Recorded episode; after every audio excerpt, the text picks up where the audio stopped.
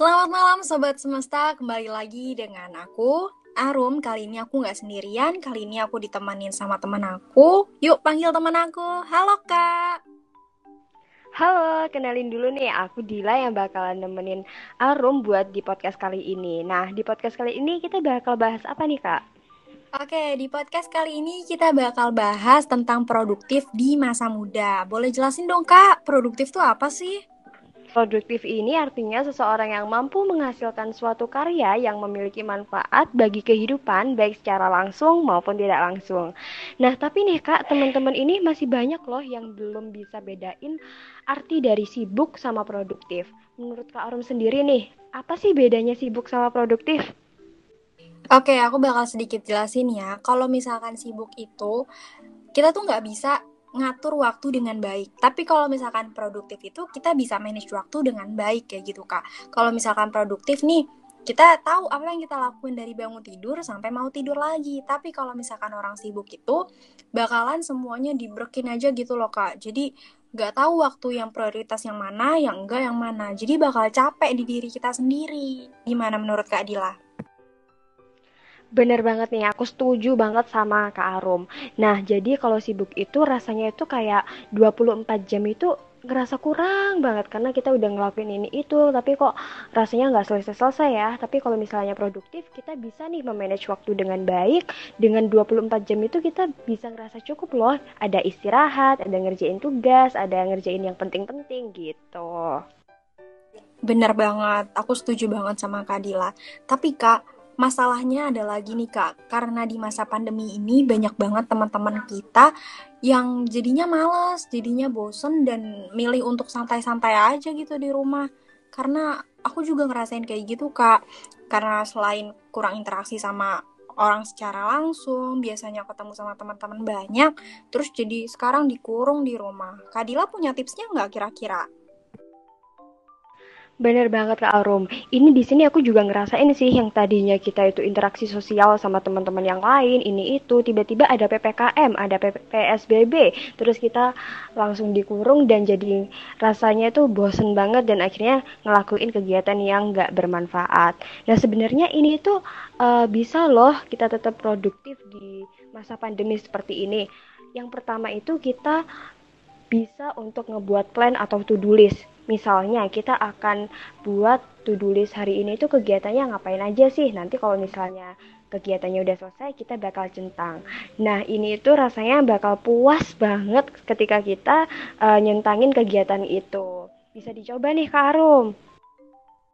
Wah, tipsnya bermanfaat banget. Jujur aku belum pernah sih ngelakuin to-do list ini. Makanya Kadila mungkin lebih rajin ya daripada aku parah banget emang bener kok uh, ngebuat to-do list ini selain kita ngerasa puas dari dalam diri kita, kita juga ngerasa tanggung jawab teman-teman sama diri kita sendiri. Kalau misalkan kita belum centang nih, pertama misalkan kita belum ngelakuin nugas gitu. Kalau kita belum nugas, pasti rasanya kenapa aku belum nugas, pasti kayak gitu. Bener nggak kak? Bener banget. Nah, selanjutnya kita ada tips lagi nih yang kedua, yaitu buang rasa malas dan tidak menunda-nunda waktu. Ini jujur sih, ini challenging banget buat aku karena aku sendiri itu masih susah ngebuang rasa malas. Tapi di sini bisa dicegah jika kita punya mindset uh, produktif gitu. Kita udah niatin dari awal kita mau produktif, kita mau berubah. Terus apalagi kita disupport sama lingkungan kita yang uh, nge-support kita untuk produktif. Gimana Kak Arum? Benar, benar banget. Aku setuju banget. Nah, selain kita membuang rasa malas, kita juga harus ditanami nih dari awal. Kita harus niat dan juga berdoa sebelum kita memulai sesuatu.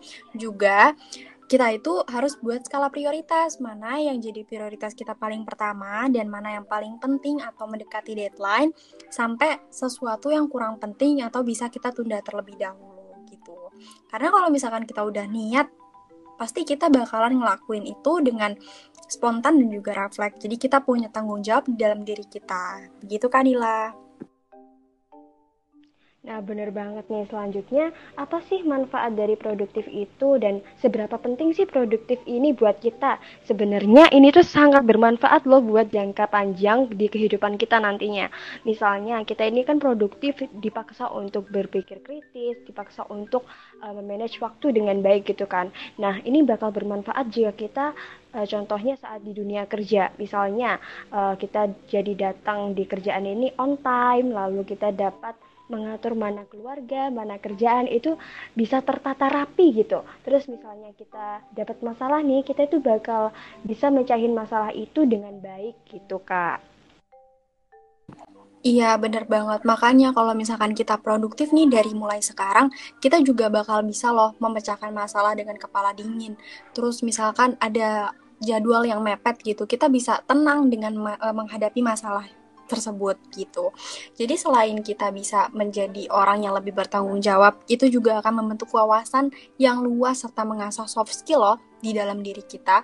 Karena ini bakalan bermanfaat banget selain bermanfaat buat kita, bermanfaat juga buat lingkungan kita seperti itu. Jadi, kalau bisa gunakan waktu sedikit apa pun untuk tetap berproduktif. Begitu kata Kak Jerome. Setuju banget nih sama Kak Arum. Nah, mungkin bincang-bincang kali ini cukup lama ya Kak. Mungkin kita bakal uh, tutup sampai sini. Tapi sebelum kita tutup, kita ada pantun nih buat kalian. Gimana Kak Arum pantunnya? Gas kan Kak? Bunga mawar, bunga melati. Indah dipandang di pagi hari. Saya pamit undur diri. Jika rindu, panggil saya lagi. Sekian dari aku dan Kadila. Wassalamualaikum warahmatullahi wabarakatuh. Sampai ketemu lagi teman-teman. Sampai jumpa. Tetap produktif dan sehat selalu.